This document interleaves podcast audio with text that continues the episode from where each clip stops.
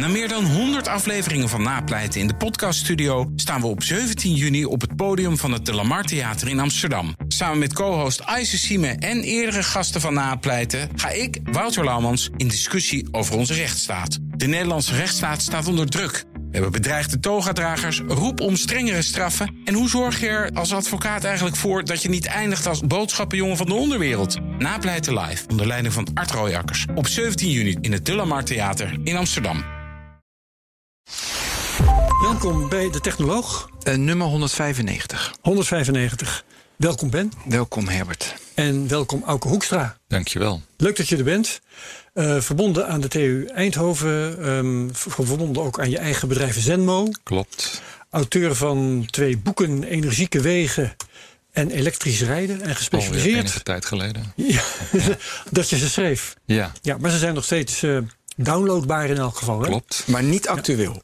Ja, nee, dat, dat elektrisch rijden. Want ik vroeg aan jou, wanneer was dat? We dachten 2008. 2008 nu Ja. zeker, ja, want het Ja, stond er niet ja. bij.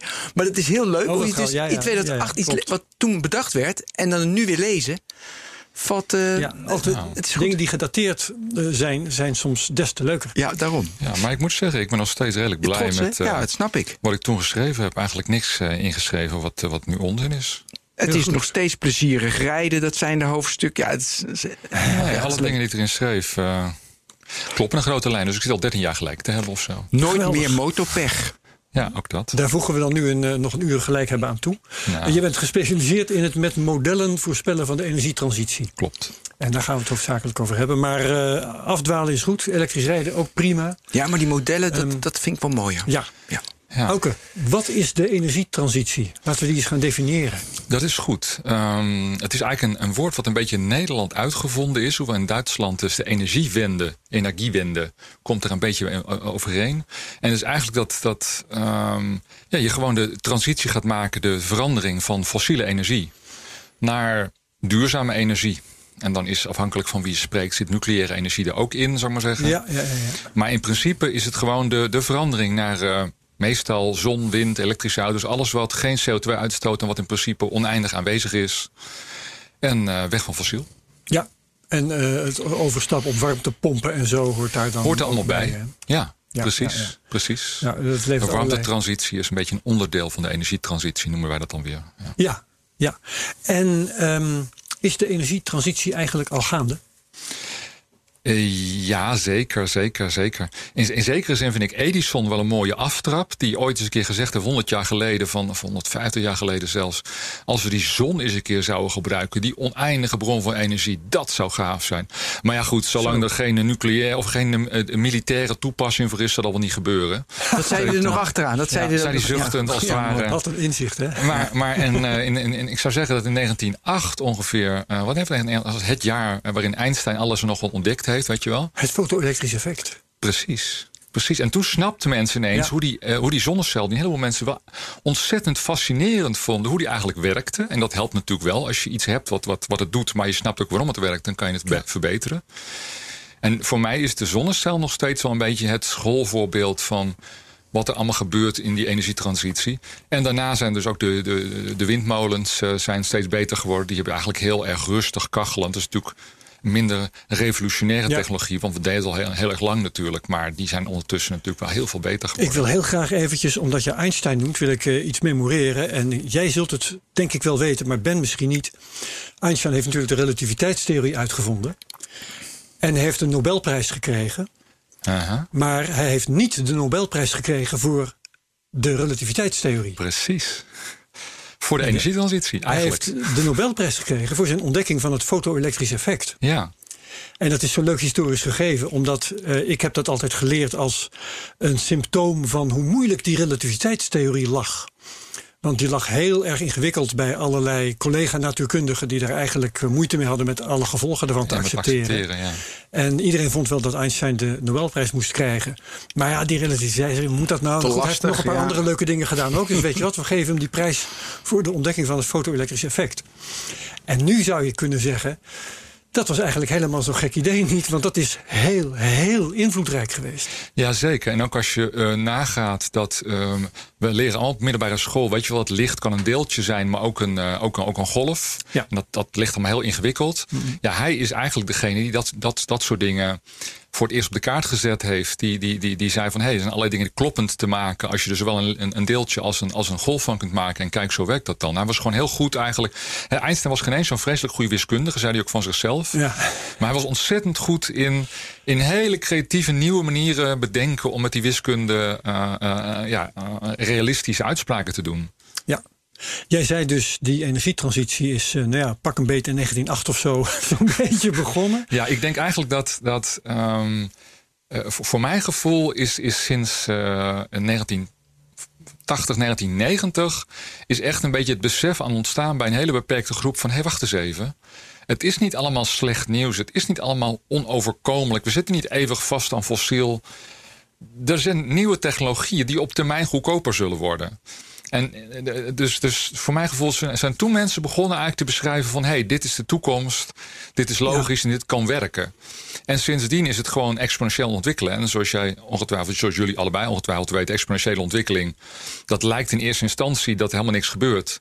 Maar ja. tegen de tijd dat negentiende van de tijdsperiode, zeg maar zeggen, verstreken is ja. tot 100 procent... Het is net als met, met uh, je vijver, is een bekend voorbeeld. Je vijver ja, vol, ja. ja. je had de hele tijd hou je je vijver goed in de gaten. En je denkt van, nou, wanneer kan ik op vakantie? En op een gegeven moment is 1% van die vijver is dan overgroeid met lelies. Dan denk je van, nou, ik zit nu al vijf jaar te wachten tot 1% overgroeid met... Nou mag ik wel op vakantie. Drie nee, weken hoor. later. Drie weken later is je hele vijver is, uh, overgroeid en uh, hebben je alle, heeft al je waterleven het moeilijk. Maar waar zitten we in, die trans, uh, in de energietransitie als op een exponentiële schaal? Nou ja, het, het, is eigenlijk constant. Als je een logaritmische schaal naast zet, zou ik maar zeggen, dan is het een, gewoon een rechte lijn. En zit er een hele tijd op. Dus iedereen praat over de knie van de, van, de, van de exponentiële curve. Maar eigenlijk bestaat er helemaal geen knie van de exponentiële curve.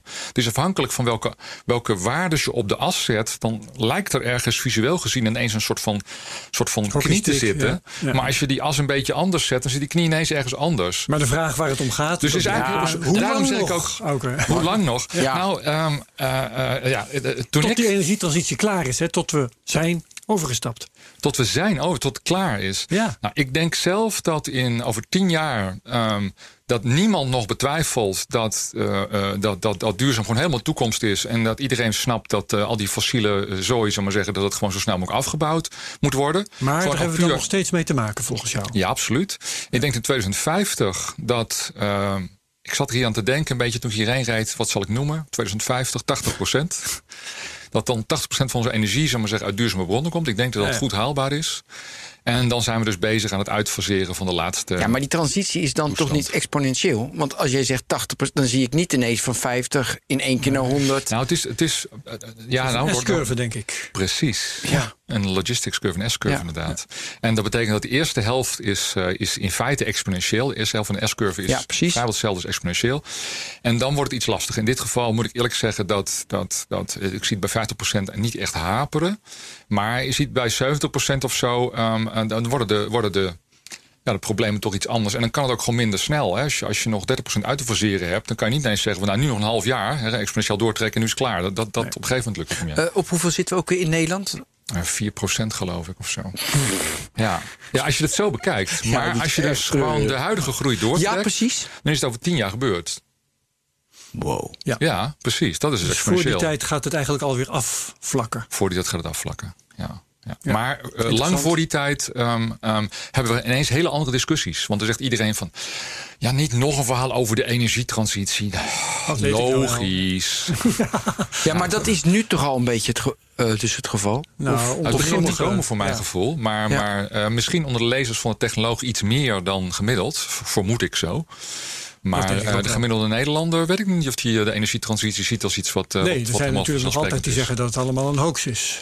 Allemaal een hoax, wordt veel te duur. Duizend miljard wordt er ineens weer geroepen. Waar dat vandaan komt, weet niemand. Maar goed. Ja.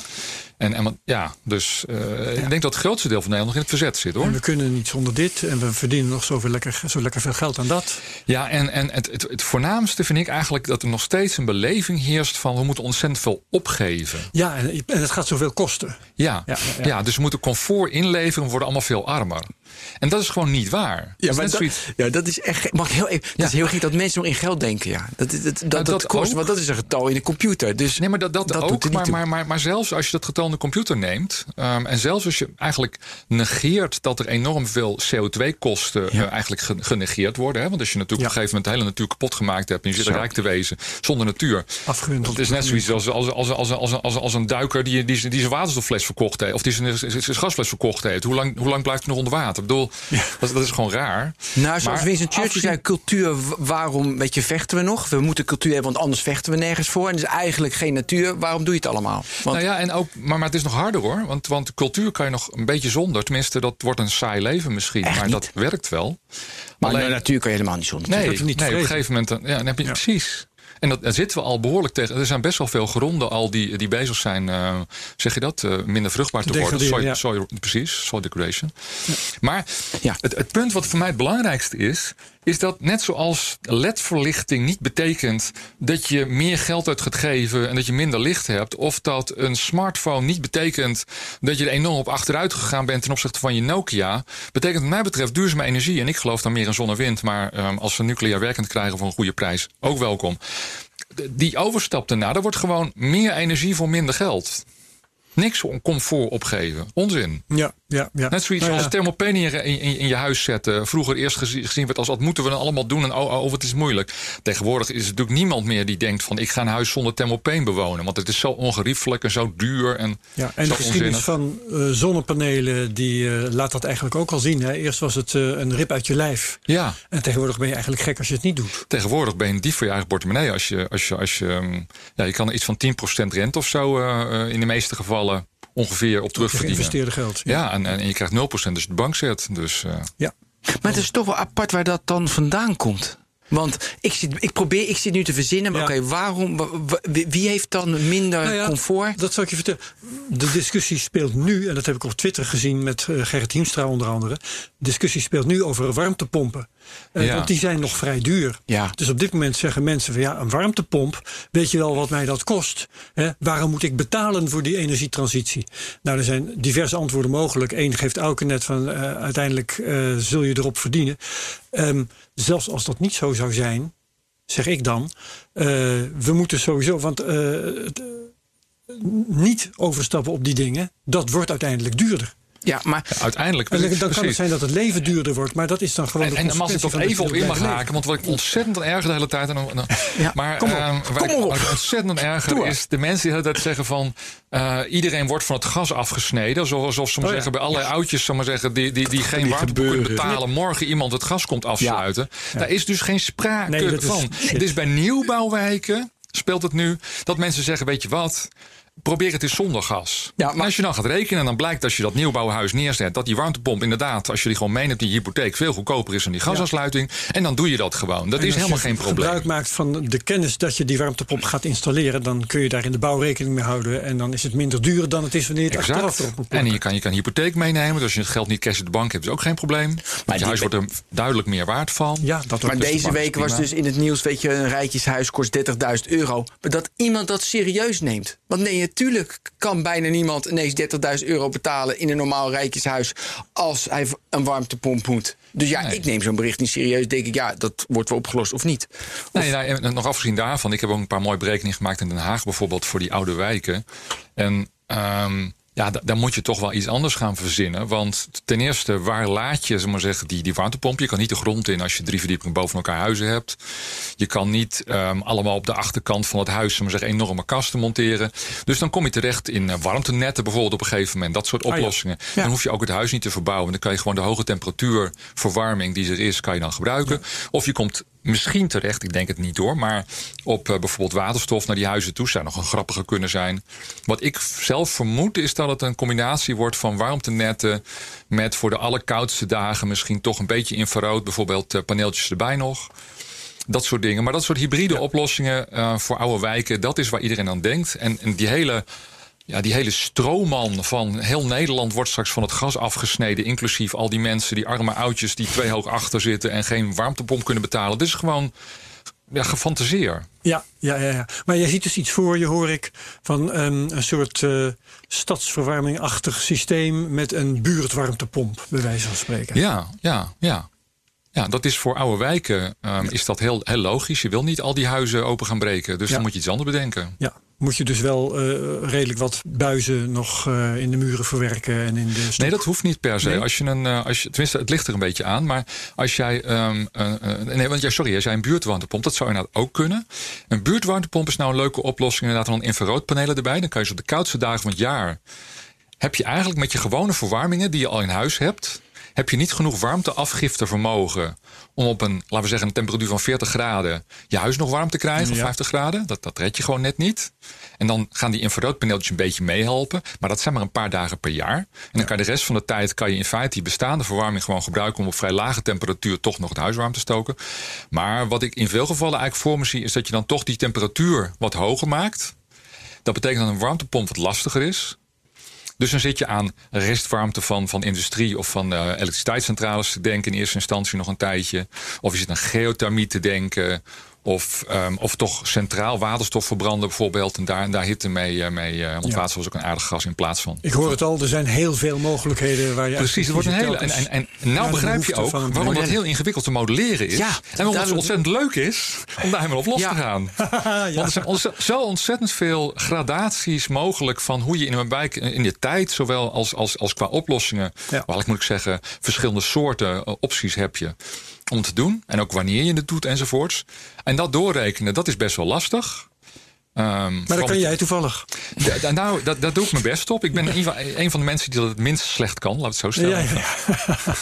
Eh, het minste vind ik wel leuk om dat dan te horen. Waarom formuleer je het zo? Omdat we het allemaal nog moeten leren, zoiets? Ja, ja, ja, ik zeg ook altijd met, met elektrische auto's.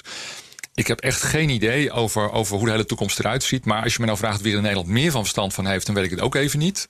Maar ik voel me heel erg, dat heb ik nog steeds sinds ik begon eigenlijk, koning éénoog. Ik dacht elke keer Oh ja. van binnenkort, dan ook, ook zo'n eh, imposter syndrome, weet je wel.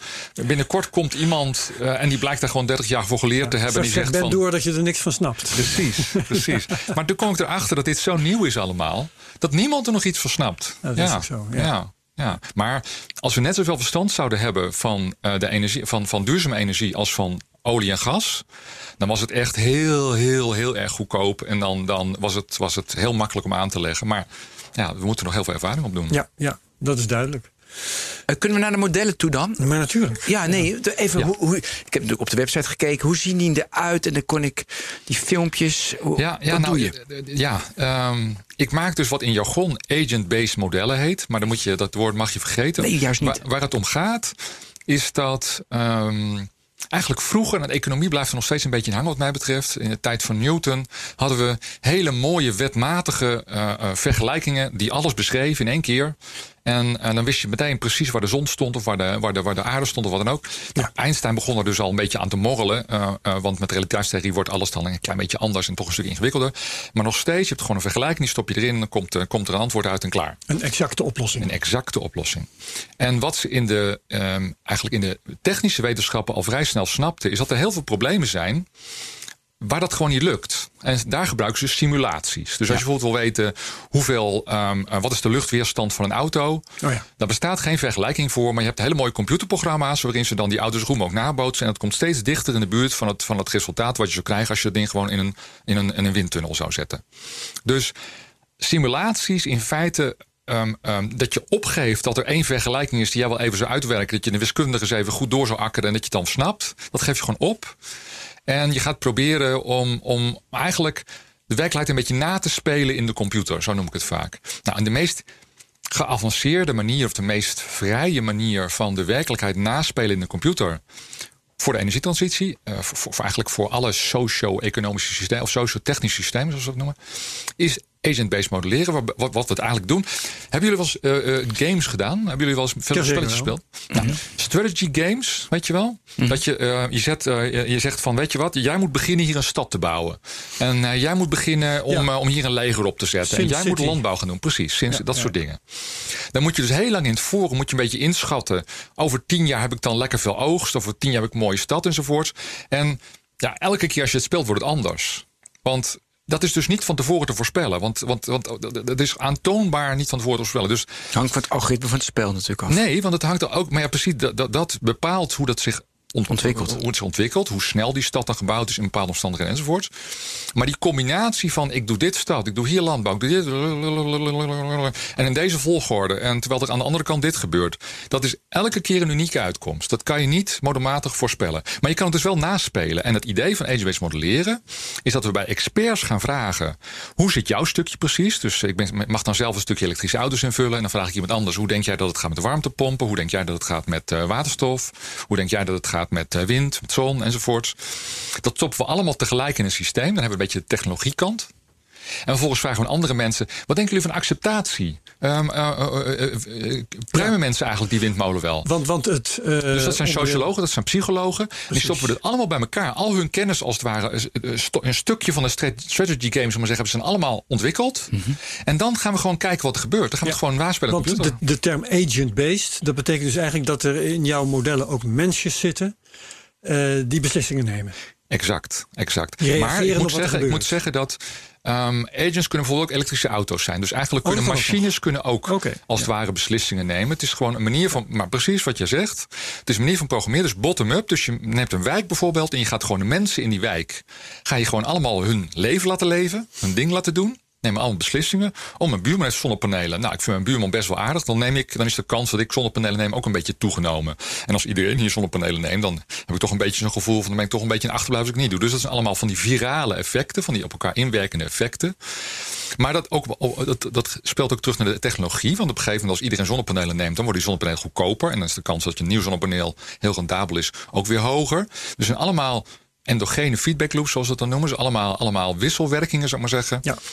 En het leuke van die modellen, hoe ze eruit zien, toch even terugkomen op jouw vraag, is dat je op een gegeven moment met een model pak je eigenlijk een kaart, want je hebt, al die ages moeten een plek hebben. Dus dan pak je een kaart. En wat ik helemaal niet verwacht had, is dat beleidsmakers het geweldig vinden om jouw voorspellingen te zien uitspelen op een kaart. Dat is gewoon veel leuker dan een grafiek in een, in een rapport zien. En dan willen ze gewoon meteen met allerlei sliders gaan spelen om te kijken hoe die kaart er dan uit gaat zien. Als ze iets anders doen. Dus jij laat beleidsmakers daar ook gewoon mee spelen. Exact. En dat is misschien, ben ik nu achtergekomen wel net zo belangrijk als het feit dat ik allerlei scenario's kan ja, doorrekenen. Daar krijgen ze inzicht van dat ze anders niet zouden hebben. Exact. En plezier in het zoeken naar een oplossing. Ja, en letterlijk naar hetzelfde plaatje kijken. We hebben dat gedaan met Provinciale Staten in Brabant. En dan merkte je op een gegeven moment dat er iets gebeurde wat nog nooit eerder gebeurd was volgens de mensen die er na afloop met ons over spraken. Dat was namelijk dat de PVV en GroenLinks niet gewoon langs elkaar heen aan het zenden waren. Maar allebei aan het praten waren over hetzelfde plaatje. Waarbij GroenLinks zegt van nou, volgens mij is dit en dit, iets realistischer. En dan zei PVV van nou, hè, ik vind eigenlijk dat nucleair erbij moet. Of ik vind eigenlijk dat dit wel iets terug moet of zo. Of ik denk dat die opslag is. Maar die waren ineens samen aan het praten over hetzelfde scenario. Dat was nog nooit gebeurd. Dat doen ze anders nooit. Nee. en heb je... Uh dus je hebt het idee dat alle factoren bij zitten: het sociologische, technische, of moeten er nog dingen bij? Nou, ik heb dus de komende, komende vijf jaar hebben we. Ik heb een, eh, een, een, programma bedacht met 35 wetenschappers, waarvan er ongeveer 10 aan het modelleren gaan. Om dat veel beter te doen dan ik het nu uh, tot nu toe gedaan heb. En, en ik is denk het minst slecht is het? Precies, het, het, wordt nog iets minder slecht. En, Neon uh, heet het, hè? Neon, ja, ja. Neon Research. En um, ook uh, mochten toevallig uh, mensen, studenten luisteren die uh, nadenken over een carrière in de wetenschap of als PhD, maar ook nog eens een keer maatschappelijk relevant bezig willen zijn. Met een groep, um, een hele diverse groep mensen, dus psychologen tot en met elektrotraneuten, zou ik maar zeggen. Mm -hmm. Dan stuur vooral een mailtje. Ze kunnen me echt wel vinden op, op internet, hoef ik er niets over te zeggen. Zeker, op aukehoekstra.nl hè? Bijvoorbeeld, ja. of, of Neon Research. Of, of maar ga even door. Dus dus ik denk dat op deze manier dat, dat, dat ja. het, is, het is het minst incomplete model. Ja. Het meest incomplete. En, en, en uh, eventjes, want jij maakte net de vergelijking met uh, auto's en uh, je kunt simuleren. En je kunt dus ook in de windtunnel en het groeit naar elkaar toe. Ja. Wat is jouw windtunnel? hoe kun jij jouw modellen testen aan de werkelijkheid? Dat is de hamvraag en dat is super lastig. We hebben eigenlijk twee manieren om dat te doen. De ene manier is dat we ook proberen dat model nog een tijdje in het verleden te laten spelen. Hmm. En dat we dan kijken of je in het verleden ongeveer hetzelfde had gezet. Dat is eigenlijk dezelfde manier of klimaatmodellen gevalideerd moeten worden. Want je kan per definitie een klimaatmodel natuurlijk niet valideren in de toekomst. Want dat is hij aan het voorspellen. Ja, eh, en we hebben ook geen tweede aarde waar we even een paar experimenten op kunnen draaien. Dus dat is meestal ook validatie aan, aan het verleden. En het tweede is uh, uh, expert validation. Dus je gaat voor je verschillende stukjes, verschillende aannames, ga je gewoon experts vragen. Een van de leuke dingen die ik daar ook gemerkt heb, is dat het ontzettend belangrijk is dat je daar experts kiest, die door de groep die het gaat gebruiken als, als, um, ja, als goed en betrouwbaar worden ervaren. Dus bijvoorbeeld als wij een, een mobiliteitsplan maken en we nemen van een bepaalde afdeling waarvoor we dat maken, de, de, de plaatselijke, dus een duurzame mobiliteit, de, de expert op het gebied van elektrische auto's, hem. En we zeggen, hebben wij het goed ingesteld? En vervolgens gaan we terug naar die afdeling. Ja, dan is dat gewoon een check, zal maar zeggen. Want dit is wat Arie gewoonlijk zou zeggen. Dat zit er al in. Dus dat is taken care of. Dus op die manier kan je gewoon ook in een groep het gevoel creëren. Het is ook een beetje cover your ass, maar het is ook een beetje in comfort komen. Van oké, de mensen die wij gewoonlijk zouden vragen van... mogen we hierin meegaan? Die hebben al ja gezegd, als het ware. Want die hebben de belangrijke assumpties in. En nu kunnen wij dus gewoon helemaal los met het bedenken van, van ja. verschillende toekomstplannen. Ja. Ben. Ja, ja ik zit nog één met, met het model. Maar misschien klopt dat helemaal niet hoor. Zit ik te denken van. Kijk, je maakt dat model met, met al die input en met al die variabelen die er allemaal zijn. Dan kan je schuiven. Ik heb die filmpjes gekeken, gaaf. Maar ik zit nog even van. Ja, maar, ik hoor dat meer mensen die filmpjes gaan kijken. Ja, nee, dat doen ze nu zeker. Maar het, het blijft een. Show notes. Ja, ja, precies. Maar het blijft dat model. Dus even terug naar jouw game. Weet ja. je, het leger bouw je hier. Uh, we hebben video, dus mensen kunnen dit ja. zien. we hebben, vorige week hadden we 52 kijkers. is toch weer zes meer, hè? Zo, ja, dat gaat echt onze ja, tieren niet op. Exponentieel, hè? Exponentieel, ja. Maar, goed, nee, maar hier doe je het leger en hier doe je de elektrische... Is het onzin of kun je daar iets meer over vertellen? Want dat, je hebt dat geformeerd, dat model. Ja. Of zoek ik iets dat er helemaal niet is? Nou ja, wat, wat, wat, wat, wat, wat er nu in mijn hoofd gebeurt, als je dit allemaal zegt, is dat. Oorspronkelijk begon ik dus gewoon met Excel-sheetjes. Ik ben, ik ben dit allemaal gaan doen iets van twaalf jaar geleden of zo tijdens een sabbatical. Ja, ik dacht, ik ga de rest van mijn leven iets anders doen, iets nuttigs doen. Ik weet nog niet wat. Ik was heel in het internet bezig, maar internet de, deze dingetje wel. Dus ik ging iets anders doen, ik wist nog niet wat. Toen ben ik hierop uitgekomen. En in eerste instantie kwam ik dus heel met Excel-sheetjes waarin ik gewoon uitrekende voor mezelf al van elektrische auto's die gaan natuurlijk helemaal worden. Zon en wind gaan natuurlijk helemaal worden. Dat is eigenlijk redelijk logisch een beetje door. Maar de precieze toepassing, een van de dingen die dus absoluut niet lukte in Excel natuurlijk, was rekening houden met waar dingen zijn. Ja. Dus rekening houden met die kaart. En agent-based modellen zijn een van de weinige uh, simulatiemethodes. waarbij je dus gewoon alles een plek kunt geven. Dus de, de, de ene wijk levert een compleet ander resultaat dan de andere wijk. En dat is niet alleen omdat het gewoon een ander type wijk is. met bijvoorbeeld meer villa's of wat dan ook. maar ook gewoon omdat die iets anders gebouwd is. met een andere plek waar de straten lopen. waardoor het aanleggen van een warmtenet bijvoorbeeld heel anders wordt enzovoort. Dus geografische diversiteit, spatiale uh, uh, uh, ja, solutions. Dat, precies, dat, dat, dat is gewoon, dat doet er heel veel toe. Net zoals wat ook in, in, in de meeste economische modellen niet zit, is de volgordelijkheid in de tijd. Doet er ontzettend veel toe. Ja, als je de strategy game weer, weer, weer, weer voor ogen haalt. Als je eerst je leger maakt en daarna je landbouw, is compleet ander resultaat dan andersom. En toch zeggen veel economische modellen, nou, op een gegeven moment moeten we op een, op een evenwichtstoestand uitkomen. Dus de vraag is even, wat wordt die evenwichtstoestand? En dan moeten we nog even een beetje bedenken hoe we daar komen. Maar het gaat om die evenwichtstoestand. Terwijl ik zeg van, nou, en, en, en dat is ook leuk. Professor Steinboeg geloofde in eerste instantie niet dat er nog mensen met, met evenwichtsmodellen werken. Hij komt dus uit die, uit die Bertha-hoek. Die zegt van ja, maar dit soort modellen, dit soort systemen oplossen met statische modellen, dat kan toch helemaal niet? Dat snapt toch iedereen? Ik zeg van ja, maar ze doen het nog wel hoor. Nee. Dus de eerste publicatie die ik geschreven heb, zitten 100 voetnoten in om Maarten te overtuigen dat ze het echt doen. Ja. En vervolgens zegt hij van nou, dan vind ik het toch wel leuk. En dan ben ik ook wel overtuigd dat het zin heeft om met, met jou mee te gaan. Want blijkbaar is er nog iemand te overtuigen. En dat agent-based, dat, dat doet hij normaal gesproken niet. De regeltechniek zit er niet zoveel met mensen. Dus agent-based, dat is bij hem wat minder, minder aan de orde. Maar hij vindt het wel een hele leuke uitbreiding eigenlijk van het soort van system control, of control system. Hm. En wat hij doet. Ja, dus ik zag een kaart van de provincie Brabant. Ja, ja dus en ja, klopt. Ja, en dan doe je dus in verschillende. Maar je, want, want je triggerde me. Verschillende steden, verschillende uitkomsten. Dus dan ga je met inderdaad de PV, met de PVV of met de CDA. En dan gaan ze zeggen van nou, een beetje meer uh, weet je, kernenergie, een beetje meer elektrische auto's. En dan denken ze, dit is het beleid. Mm -hmm. En dan gaan ze dat uitvoeren. Dan gaan ze daar dan gaan we maatregelen dat, op nemen. Dan gaan we, dat, gaan we dat in een computer eerst stoppen. En dan komen we erachter dat er allerlei dingen. Ja, meestal komen we natuurlijk achter dat het allemaal niet zo makkelijk loopt als je het in eerste instantie verdacht had. Want natuurlijk wel een politicus wil altijd de wereld beloven.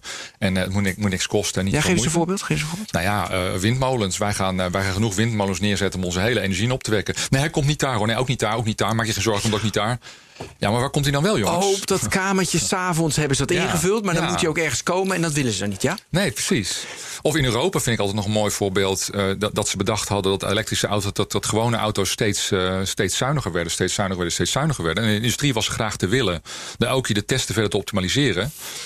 Uh, tot op een gegeven moment die testen ongeveer 50% onder werkelijkheid zaten. Ja, en toen worden toch een paar mensen wakker. Dieselgate was een van de, uh, ja, een van de redenen dat het een beetje doorbrak in de populaire geest. Maar eigenlijk wisten we al. Ik, ik had in 2014 het eerste TNO-rapport gelezen. Waarin staat van ja, we zien nu eigenlijk al 40% als wij gewoon op de weg een aantal dingen testen. Dan ja, zien we toch eigenlijk 40% meer dan, dan, dan zij doen. Dus, 40% ja. discrepantie tussen de werkelijkheid en de opgegeven waarde van de fabrikanten. Precies. Dus, wow, dus het Europese beleid zag eruit alsof wij vreselijk goed bezig waren met uh, die auto's steeds zuiniger maken. Maar ja, in de werkelijkheid was dat eigenlijk helemaal niet zo. Er waren gewoon een manier van meten. En dus, maar dat is ook logisch. Hè? Politici die willen natuurlijk um, uh, hun, hun kiezer zoveel mogelijk geven met zo weinig mogelijk moeite. En dat vind ik zelfs heel goed en heel legitiem. Want zij zitten dus eigenlijk in een heel lastig pakket. Dat ze allerlei verschillende dingen met elkaar moeten verzoenen. En uh, met heel veel ja, gevogel toch een soort van weg vinden die en niet duur is bijvoorbeeld. En niet te veel weerstand oproept ja, zoals ik maar zeggen, duur is ook weerstand. Dus ja. je hebt allerlei verschillende soorten van weerstand probeert te minimaliseren. En die de hele boel met elkaar houdt, zullen maar zeggen. De gemeente of de provincie of, of, of, of Nederland. Mm -hmm. En dat is hartstikke lastig. En wat wij dus willen doen, is niet zeggen van nou, wij zijn techneuten en weten alles beter. En jullie zijn politici en uh, jullie zijn, uh, weet ik veel, opportunisten enzovoorts. Maar gewoon zeggen van nee, jullie hebben de rottige taak om met iets te komen waar altijd iemand over gaat zeiken. Maar wat uiteindelijk toch maar het minst kwaad is. En wij hebben de modellen die het minst slecht zijn om jullie daar zo goed mogelijk bij te helpen. Ja. Dat is het plan. Oké, okay, maar ik word toch even dan heel concreet. Dus ja. dan hebben ze dat ingevuld. En dan komen ze achter een windmolen. Daar had gemoeten, maar ze weten niet waar die plaats. Maar uiteindelijk is dat het model. Dat is het beleid voor de komende 30 jaar. Want 2050 hadden we het net over. Uh, en dat gaan ze dan uit. Dan gaan ze dat wat dat de model. Ze hebben allemaal streepjes gezet dan gaan ze dat uit. Dat is de bedoeling, dat ze dat dan uit gaan voeren. Nou, eigenlijk niet. Eigenlijk is, is mijn bedoeling niet om te zeggen van zo, nu ben ik klaar. Dus nou weet je tot en met 2030, 2040, 2050 wat je, wat je ja, moet doen. Want ik denk dat continu, zeg maar zeggen, Uiteraard. Maar... met voortschrijdend inzicht... dat eigenlijk die plannen elk jaar bijgezet worden. Maar ik, ik hoop eigenlijk dat mensen dan zeggen... oké, nou, Um, op basis van tien verschillende mogelijkheden die je nu hebt laten zien, die we allemaal wel leuk vinden, weten we in ieder geval zeker dat we volgend jaar in ieder geval dit alvast moeten doen. Dus die windmolens die we daar en daar en daar neerzetten. Precies, daar wilde ik naartoe. Dat, dat, kan nooit, dat kan nooit geen kwaad. Dat is een soort van no-regret optie. Of zoveel laadpunten, daar, daar, daar, daar, krijgen we nooit spijt van. Daar krijgen we nooit gedoe mee, zou maar zeggen. En dat je zo als het ware elke keer ja, een jaar vooruit probeert te plannen. De, planningshorizon van de echte investeringen of zo. Um, voor sommige investeringen zal het wat langer zijn dan een jaar trouwens. Uiteraard. Tuurlijk. Maar, maar goed. Dus, en, Snap je een beetje het idee? Ja, helemaal. Okay. En dat voeren Dus eigenlijk dus, nog even om het af te maken ja, van net op dat strategy game.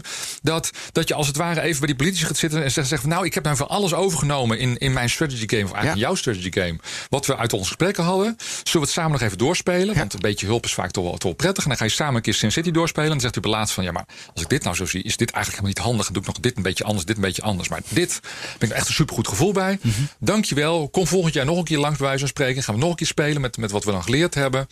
En zo gaan we elke keer, wil, wil ik als beleidsmaker, elke keer een beetje extra grip krijgen. Extra begrip krijgen, precies zoals jij het net zei, Herbert, voor het systeem. Het is eigenlijk gewoon systeemdenken wat je mensen bijbrengt. Ja. En als, als ik het al niet kan, want ik heb die computer keihard nodig om het te kunnen snappen. Want anders dan, dan lukt het ook gewoon niet in mijn bovenkamer. Met al die feedback loops en zo, dat kunnen wij helemaal niet als mensen. Dan kan je toch van een beleidsmaker helemaal niet verwachten dat ze het snappen. Nee, maar dat doen ze dus nu ook. Dus gebeurt het nu in een stad, ben je daarmee bezig? Nou, uh, heel eerlijk zijn we weer. Dat voor Brabant was, um, dat was een, een leuk schot voor de boeg. En er zijn dus hele aardige dingen uitgekomen als, als supergoeie discussies... die ik denk leiden tot wat beter beleid in Brabant. Maar het was gewoon iets waar ik een paar maanden in gestopt heb... met, uh, met een, uh, een student die het voor zijn afstuderen deed.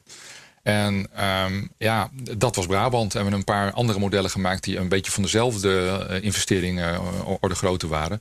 Die geven een heel aardig beeld van, van, van hoog over. Dus ik ben internationaal gezien ben ik helemaal niet, zo, ben helemaal niet slecht bezig met die modellen. maar ik ben nog lang niet zover dat ik kan zeggen van kijk, in deze stad doen ze alles precies zoals wij het uitgedacht hebben. Nog lang niet. Maar, Ergens nog. Nee. Nergens. maar hoe, dus nu is die Een een- van de plannen is om eh, ehm, in Rotterdam als stad bijvoorbeeld... en om in Brabant als, eh, als, als provincie... om met dat geld van Neon, zullen maar zeggen... daar over de komende twee jaar, hoor ik even... ehm, echt eh, een hele solide beleidsinterface te maken... waar, waar, je, waar ze echt gewoon op heel redelijk, ja, behoorlijk gedetailleerd niveau... alles Trouwens, volledig gedetailleerd lukt nooit. Hè? Nee, Want je nee, weet nee, nooit hoe. je weet- de, de- maar de, de, de werkelijkheid is zo rijk, zo Ja. complex. En, en, en als er in een wijk, zal maar zeggen, ineens iemand opstaat die eraan gaat sleuren, of juist eh, eh, tegen gaat sleuren, zal maar zeggen, dan verandert in een wijk verandert gewoon de hele dynamiek enzovoorts. Dus je, je moet ook niet denken dat je de toekomst Nee, precies kan voorspellen. maar- Precies, nee. Ja, maar intussen ben jij wel eh, voortdurend met beleidsmakers om de tafel. Op gemeentelijk niveau. Op, eh, is het alleen gemeentes of is het ook eh Nou, we hebben tot provincies, nu toe Tweede Kamer? Nou, ik, ik, eh, al maar te zeggen dat ik, eh, dat ik, dat ik dagelijks met de zit, ook overdreven. Maar we hebben eh goede contacten met, eh, voor, voor mobiliteit, met INW hebben we verschillende het, workshops gedaan. Weet Met- infra- infrastructuur Sorry, en nog iets. ministerie van Infrastructuur en Waterstaat. Waterstaat, ja. Met Noord-Holland, provincie Noord-Holland. Met gemeente Rotterdam. Ehm, en ook onze partner Drift, die is daar heel ver mee met de gemeente Rotterdam. Eh, die is ook een, een participant in, eh, Neon. Eh, ik heb een workshop gedaan in Eindhoven, die erg leuk was. En ik heb dus een heleboel workshops gedaan met Brabant. Dus Ja, dat is een beetje tot nu toe een Nou ja. beetje. Maar dan heb je best Oh, en, ik, invloed. en ik heb heel veel contacten, heel erg leuk, ook via Twitter en dergelijke, met Tweede Kamerleden. Aha. Dus ook weer hoe social media echt kunnen helpen Die bij modelvorming. Is, is gewoon, omdat je op die manier gewoon echt die interactie heel kort ook op de bal. Ja, dat is ehm, perfect. ja. Maar toch verbaas ik me dat dus nu de energietransitie. Want voor- kijk, voor jou is het al in je hoofd, kan je het niet bevatten, kan je nagaan. Eh, in dat model is niet compleet moet worden aangepast. En dat wordt nu dus gedaan door Kamerleden, door provincies en gemeenten. Waar, waar zij ook gewoon denken, nou ja, daar maar een laadpaal en hoe het uitkomt. Of een zonnepaneel met subsidie ja, tijdelijk. de- de- de- deze moet precies daar komen, is wel heel gedetailleerd hoor. Want nee, maar het maakt nog niet zoveel de uit. maar, energietransitie doen ze dus. Waar baseren ze het nu op? ehm, nog, nog veel erger dan natte vingerwerk. Nee, Precies. het is echt. Het, het is, Mens- mensen die denken. Na 195 Nee, maar- aflevering. Nee, maar dat, dat, dat, is, dat is natuurlijk. Ja, dat kan ik, met, alle Auke? respect. Bijvoorbeeld, nou, ik, eh, laat ik uit de school klappen. Ehm, ik heb heel veel bewondering voor PBL. Doen ook een beetje mee met ons model. Wat is dat dan weer? Eh, eh, planbureau voor de logistiek. eh, van, van, de sorry, planbureau voor de leefomgeving, excuus. En dat zijn eigenlijk die mensen die vaak die, die, die modellen maken... waar dan, waar dan de, de, de, de, centrale overheid mee staat te zwaaien... van, van eh, eh, ja, dit, Ja. dit- zoveel ruimte is er op de Noordzee voor windmolens enzovoorts. Nee. En ik heb daar groot respect voor, want je zal maar al die verschillende partijen bij elkaar moeten zien te voor een groot deel te toch praten en, en, en proberen dingen te vinden eh, waar iedereen niet te veel tegen op, opstand komt en die toch nog enigszins te onderbouwen zijn. Ja.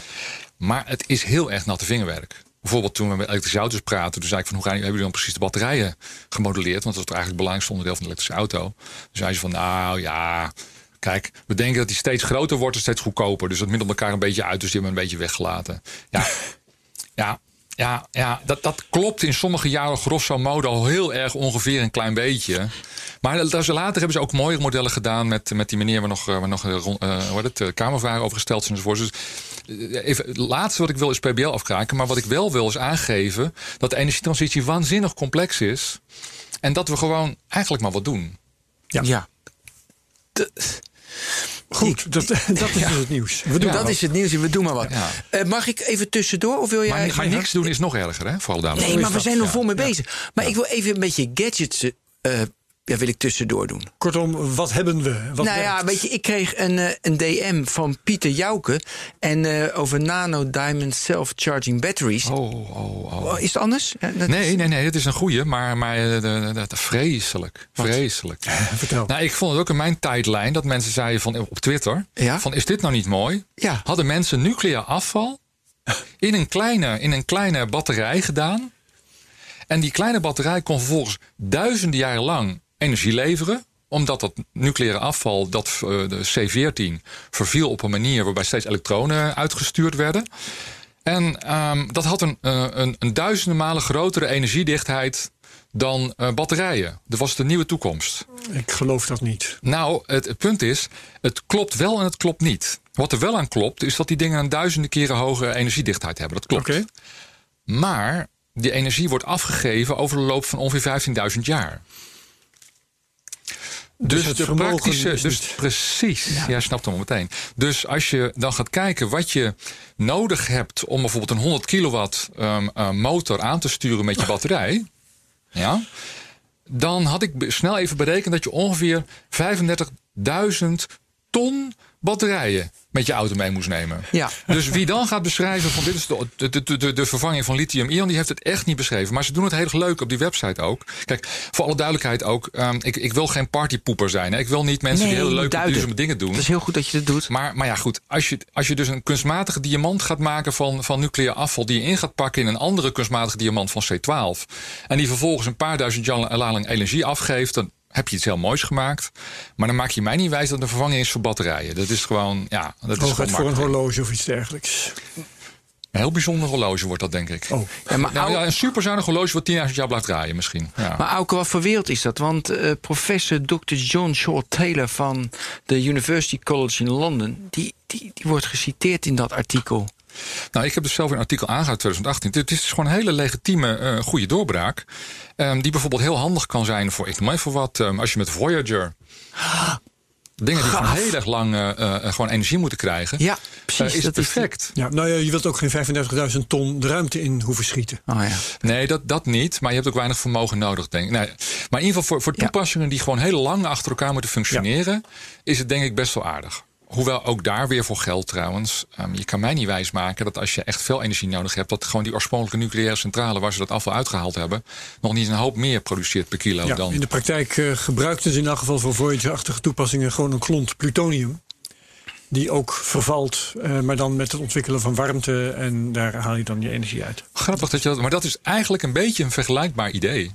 Ja, Je pakt gewoon een klont van, van, van iets wat een hele, hele lange, langzame houdbare tijd heeft. En Maar dat geeft je- energie af terwijl je dat doet. dan wil je in de ruimtevaart wil je iets hebben met zoveel mogelijk vermogen per kilo. Ja, en dan is waarschijnlijk, eh, waarschijnlijk nog een opgewerkte plutonium ook of zo.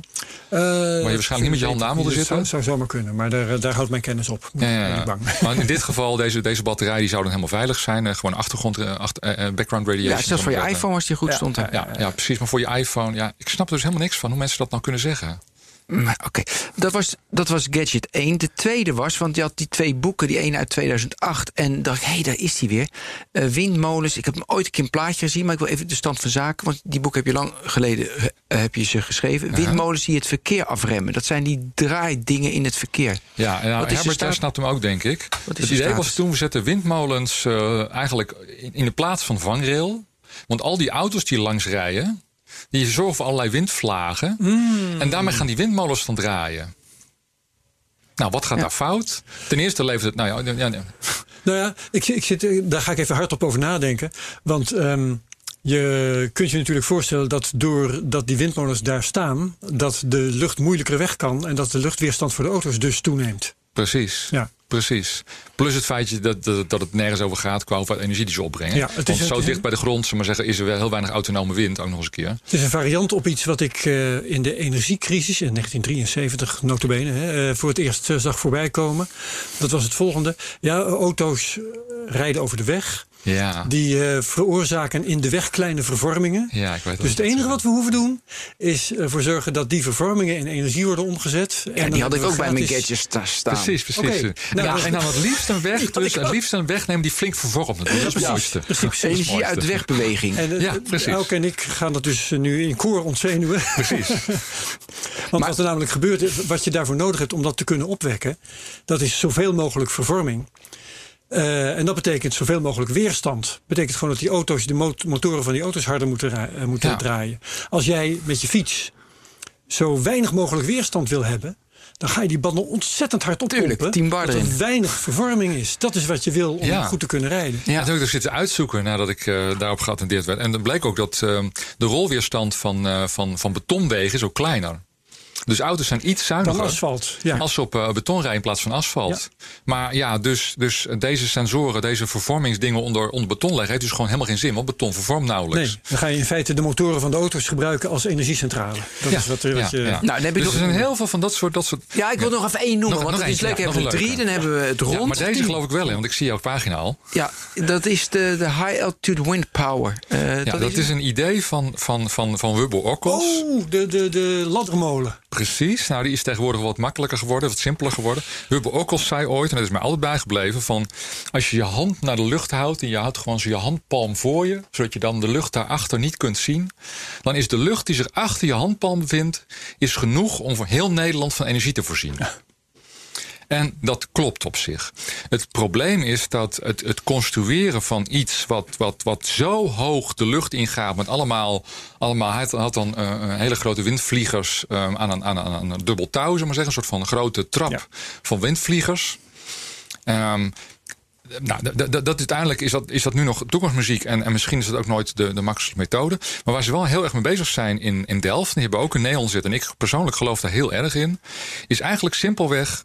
Stel je voor, je neemt een windmolen. Stel je voor, je haalt er één windmolenwiek af. En stel je voor, die windmolenwiek die ziet er al een klein beetje uit als een vliegtuig, toch? Klein beetje. Mhm. Stel je voor, je maakt van die windmolenwiek van die grootte, maak je gewoon een vliegtuig. Een, een, een, gewoon van, van carbon fiber een mooie, mooie, mooie stevige vleugel. En dat vliegtuig laat je aan een touwtje achtjes vliegen. Dan is in principe de trekkracht aan dat touw van, die, van het achtjesvliegen... is qua energetische inhoud vergelijkbaar met een windmolen...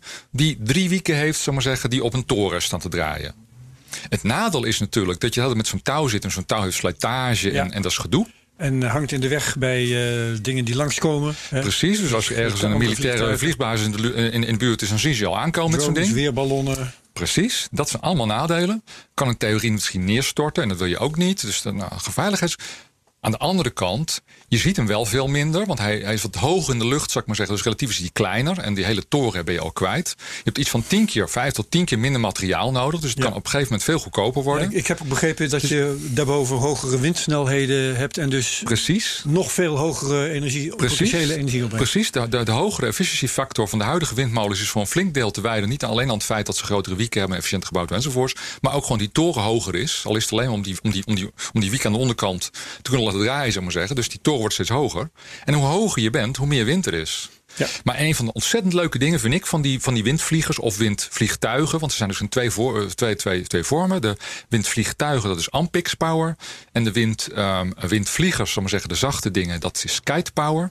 Allebei uh, twee hele mooie Nederlandse bedrijfjes die uh, um, al heel veel jaren groeien als kool. Maar nog steeds niet super groot. Het is een exponentiële ontwikkeling, maar nog steeds klein.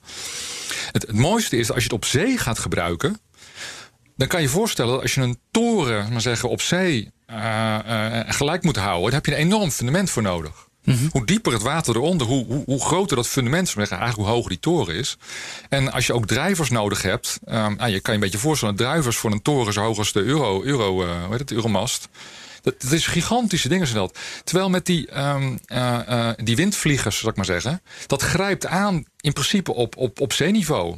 Een soort van trommel, zeg maar zeggen, op zijn niveau.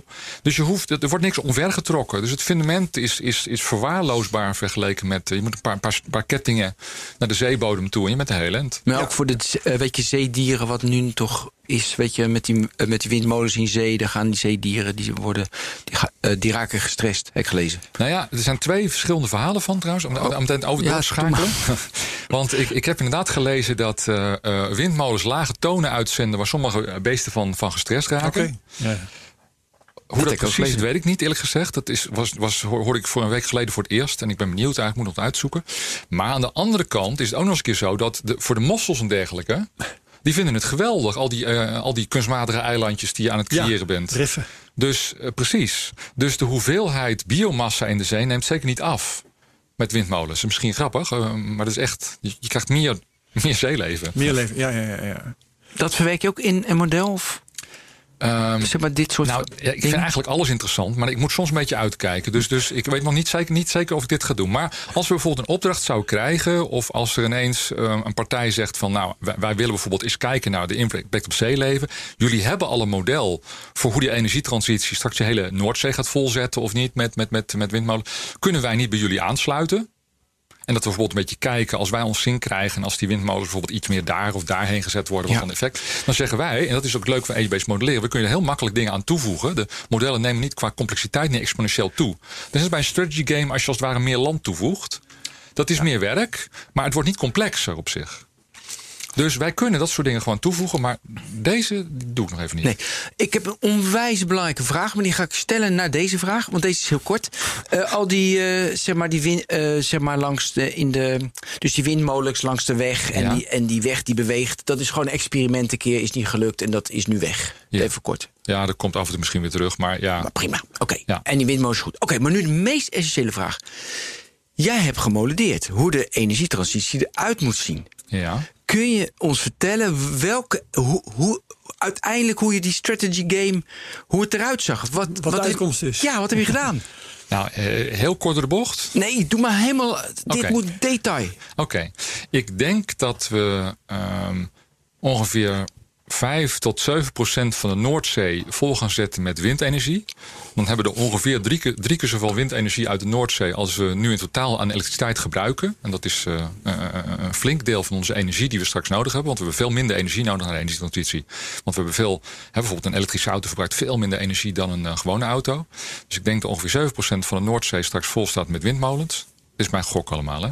Ja, Ik ja, denk ja, dat eh, we eh, de daken in Nederland uiteindelijk gewoon vol gaan leggen met zonnepanelen. Dat, dat het idee van dakpannen, dat dat gewoon een beetje de, steeds meer uitraakt, zou ik maar zeggen. En dat we steeds meer, zelfs façades misschien zelfs wel, maar ook daken zien met, met zonnepanelen.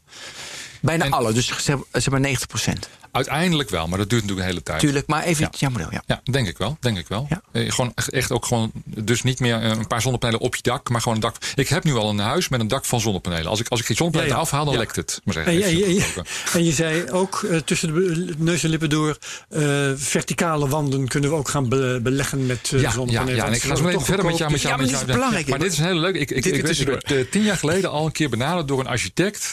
Die zei van eigenlijk vind ik het zo jammer. Wat denk jij nou? Ik, ik heb net een gebouw ontworpen.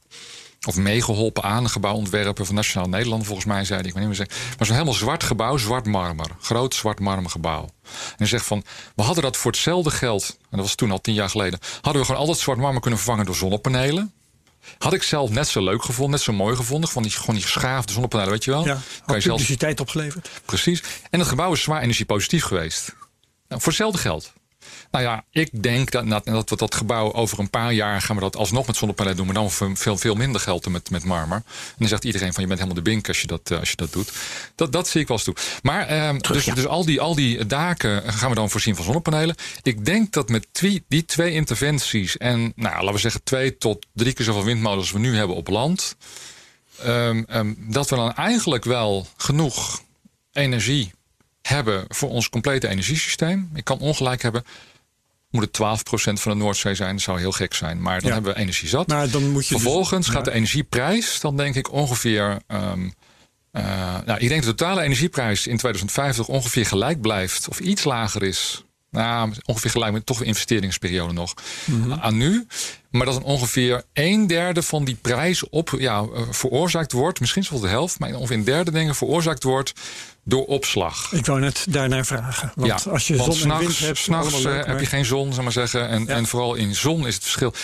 Eh, Dan kom ik dan zo aan. Maar ehm, eh, dus wat je dan moet doen, is je moet genoeg batterijen hebben. En je kan ook elektrische auto's bijvoorbeeld uitstekend gebruiken, die batterijen daarvoor. Om in ieder geval over de dag heen het elektriciteitsnet heel goed glad te trekken. Dus die dag-nachtpieken, zeg maar zeggen. En die, en die af en toe waar het even wat harder, af en toe waar het even wat zachter. Dat gaat prima met, met batterijen. Alleen voor seizoensopslag, dat is op dit moment eigenlijk het stuk waar we nog het minst van weten. Hoe we dat nou precies gaan, Ja. gaan aanpakken. Want ehm, ja, als je echt heel veel op wil slaan. Dan, dan, dan kom je er eigenlijk niet met batterijen. Dat wordt veel te duur. Ehm, Nee, dat heeft weer, eh, ja, ik wil het voor de, lezer niet, voor de, voor de luisteraars niet ingewikkeld maken. Maar het heeft met, met power, met, met vermogen versus, versus energie te En maken. met lekverliezen misschien ook wel. Klein beetje. Maar het is vooral het kwestie dat, batterijen kunnen ontzettend veel vermogen leveren. Maar hebben eigenlijk niet zoveel energie per zeg maar zeggen, euro dat je erin stopt. Terwijl als je nou, waterstof neemt. Waterstof is het duur als je het heel snel wil opwekken. Mhm. Maar het is niet zo duur als je heel veel nodig hebt. Dus als je een heel langzaam tempo. Ons, eh, eh, het is net zo, de ene is als het ware hoe, hoe, hoe hard je de kraan kan zetten. Ja. En de andere is hoe groot je bad is. Oké. Ja. En, en, en, en, en voor, voor batterijen geldt als het ware... dat de grootte van je bad bepaalt echt je prijs. Dat de, de, de prijs voor, het- voor het bad, we zeggen, per, per, vierkante, per liter... Is, is, is godschuwelijk hoog. Maar als je dat bad zo wil hebben... dat je het in, in 10 seconden kan laten vollopen... Nou, even, even overdrachtelijk gezegd. Prima. Terwijl waterstof is het zo van, nou, die kraan, meneer, daar wil ik nog wel even met u over praten. Want als, als die kraan iets harder moet dan druppelen, wordt die wel heel prijzig. Maar u wilt een bad hebben van 1000 liter, oh, dat is geen probleem. Ja, ja, ja, dus dat is een eh, eh, seizoensopslag. Maar dat betekent dus gewoon dat je daar een juiste combinatie van moet maken. Ja, en dat is ook de reden dat ik verwacht dat we redelijk veel wind gaan krijgen. Ik verwacht op termijn zon veel goedkoper wordt dan wind, verwacht ik. Maar ik verwacht dat eh, eh, wind veel makkelijk te balanceren is. Want over het jaar heen, ik maar zeggen, in de winter heb je zelfs iets meer wind dan in de zomer.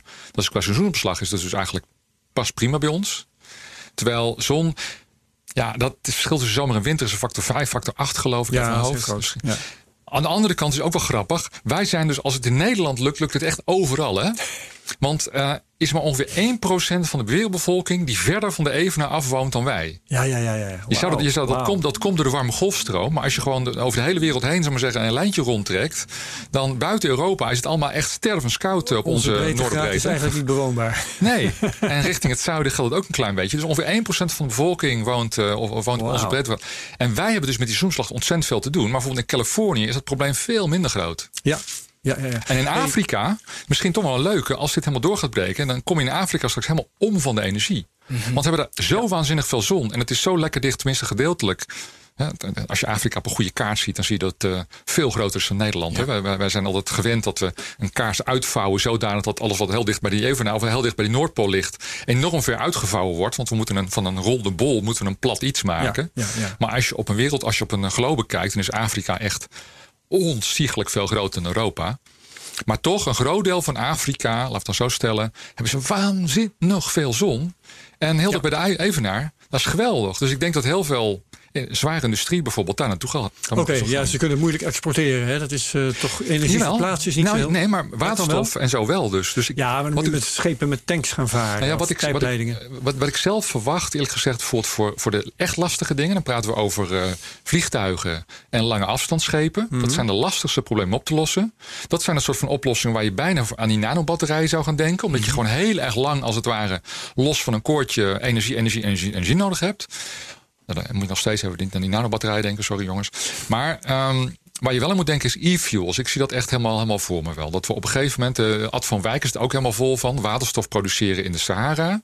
Als je het mij vraagt, maar ik weet het ook niet zeker, dan gaan we die waterstof vervolgens omzetten in iets vloeibaars, denk ik, in veel gevallen. En dat is vloeibaar, want je kan dus prima eh, brandstof maken waar een vliegtuig kan vliegen, nu al op kan vliegen eh, met elektriciteit. Wordt het alleen wat duurder. Maar dat gaan we dan gewoon doen, denk ik. Dat kan je ook heel goed in een schip stoppen en, en vervoeren. Ja. Net zo goed Ja. als olie eigenlijk. En ehm, ja, dat wordt dan de, de, de, de, zero carbon option, zou ik zeggen, uiteindelijk voor de Dan heb luchtvaart. je wel vrij aanzienlijke hoeveelheden water nodig in de Sahara. Valt wel mee. Ja? Valt wel mee. Als je kijkt hoeveel eh, water je. Ik, ik weet het uit mijn hoofd nu even niet. Herbert. Maar gewoonlijk weet ik dat soort dingen een beetje uit mijn hoofd voor dit soort vragen. Maar ik heb ik zitten te rekenen hoeveel, hoeveel eh, water je nodig had. En de energieinhoud van, van waterstof is wel dusdanig dat je eigenlijk niet zoveel liters nodig hebt.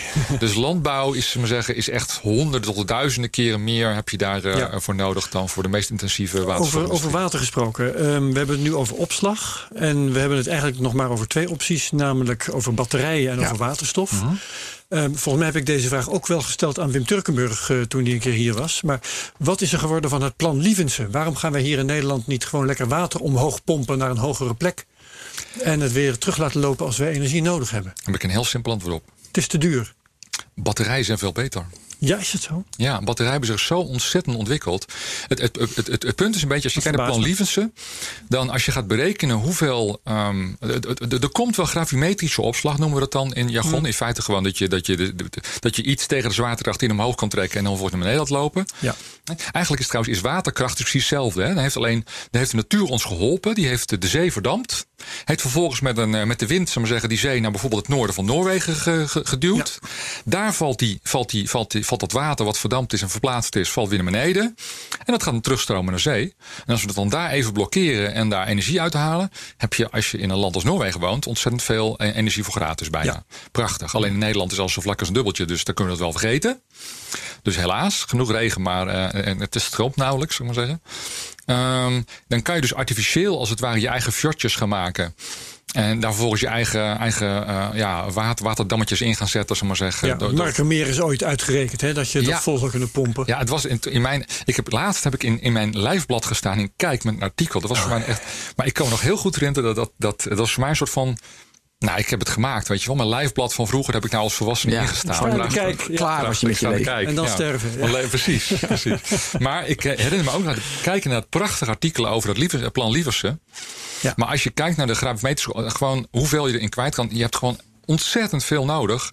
En ik denk dat je, nou, ik weet niet, maar je, je, je, je kan echt eh, een dag, zullen we maar zeggen, dan, dan red je nog ineens met die markerwaard. Eh, al, al lang niet. Oké, oké, oké. Dit is echt gigantisch wat je nodig hebt. Terwijl bij batterijen, die zijn dus zoveel goedkoper geworden ondertussen, dat dat, dat eigenlijk een betere oplossing is. Ja, Maar, opmerkelijk. maar eh, we hebben geen kernenergie nodig, geen geothermie. Het is- we- Nou ja, ik vind eigenlijk, ik vind het in jouw ideale SimCity plaatje. Ja, precies. En dat, er was ook een. eh, ehm, ehm, ja, sommige mensen zeggen we hebben alle opties nodig. Hè? Ja, dat, is een zegt andere- Turkenburg bijvoorbeeld. Bijvoorbeeld, ja. Ja. En eh, ik ben het daar gedeeltelijk mee eens. Aan de ene kant vind ik dat het, het, het, het, het maar. Het, het, het geloven in silver bullets van ik, nou, het wordt helemaal zon. Dus vergeet de rest. Dat, is, dat is, moet je dus echt absoluut niet doen. Ik, volgens mij heb ik ook niemand de illusie gegeven dat ik er zo in zit eh, de afgelopen tijd. Eh, en tijdens deze, deze prachtige podcast. Maar ik denk wel dat je soms even dingen op moet geven die gewoon eh contraproductief blijken te werken. Of die het gewoon niet doen. Dus ehm, ehm, als ik praat over biomassa bijvoorbeeld. Als je mij diep in kijkt, dan zeg ik van er zijn hele beperkte biomassastromen uit afval enzovoorts.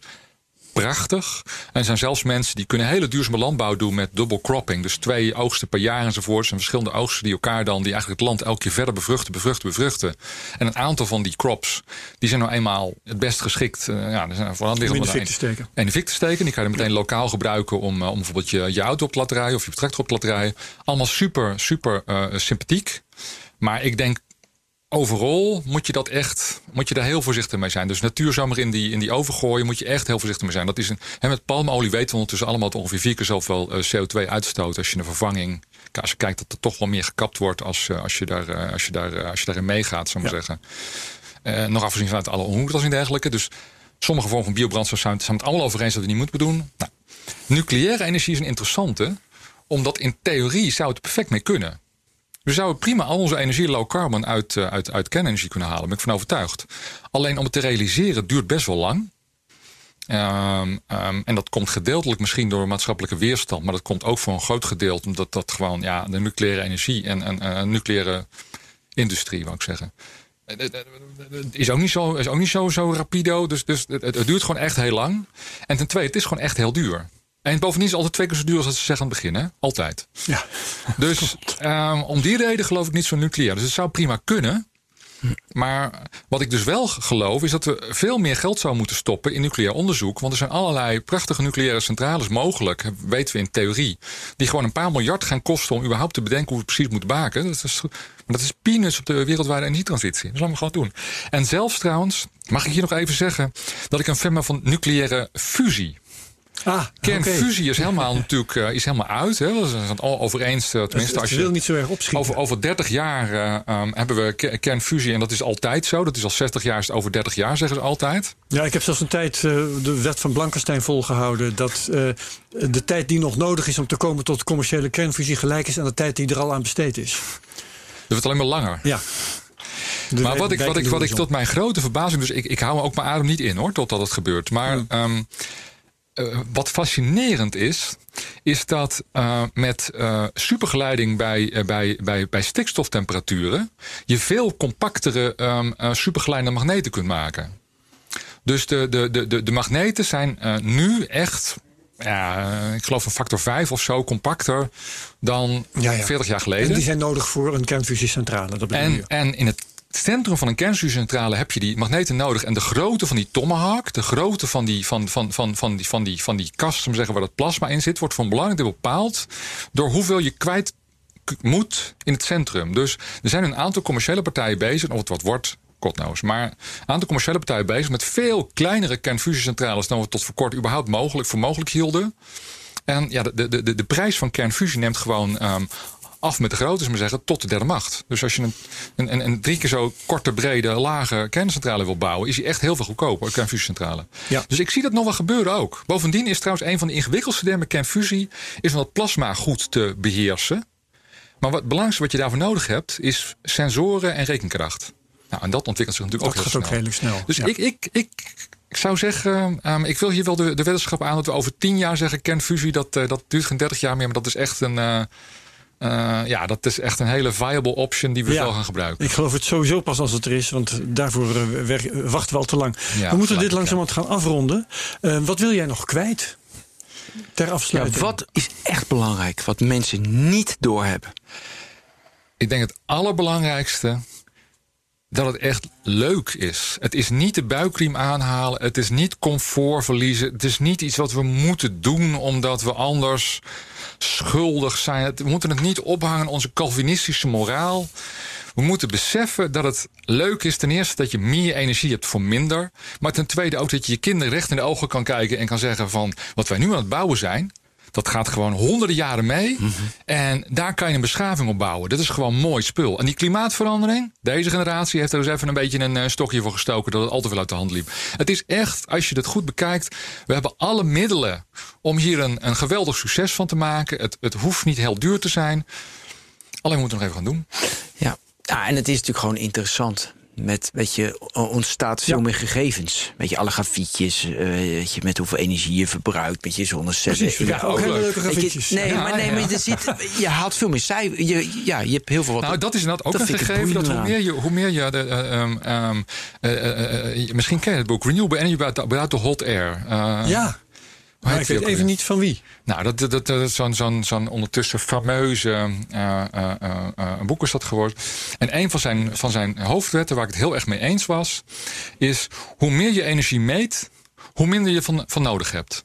Dat had hij bij zichzelf proefondervindelijk eh, waargenomen. En dat had hij bij alle huishoudens hem heen ook gezien. Ja. Op het moment je zelf je energieverbruik precies ziet, dan wordt het gewoon een beetje sport Ja. om steeds minder te gebruiken. En dat is ook gewoon leuk. Nou ja, in je auto al. Het is gewoon spannend eh, hoe, jij, hoe, dat, hoe dat gaat. Van hoeveel? David, J- eh, David McKay Precies. is het. Precies, precies. Goed. Ehm, met jouw eh, enthousiaste en behartenswaardige woorden over dat het leuk is. En dat wij eh, de volgende generatie wel even een poepje gaan laten ruiken. Ja, Wil ik afsluiten. Elke Dankjewel. Herbert. Bedankt, genoten. Heel hartelijk bedankt. dank jullie Je werkt voor de TU Eindhoven. Je hebt eh, je bedrijf- eigen bedrijf Zenmo. Jouw boeken Energieke Wegen en Elektrizijden. Daar zullen we naar linken. Dat andere mensen ze ook nog kunnen En downloaden. kijk vervolgens, voor, voor als je op neonre- neonresearch.nl. Neonresearch. neonresearch.nl Research.nl. Precies. Oké, dit was Elke Hoekstra. Ben ook bedankt. Ja, Herbert ook En tot bedankt. de volgende. Tot de volgende. Dag allemaal.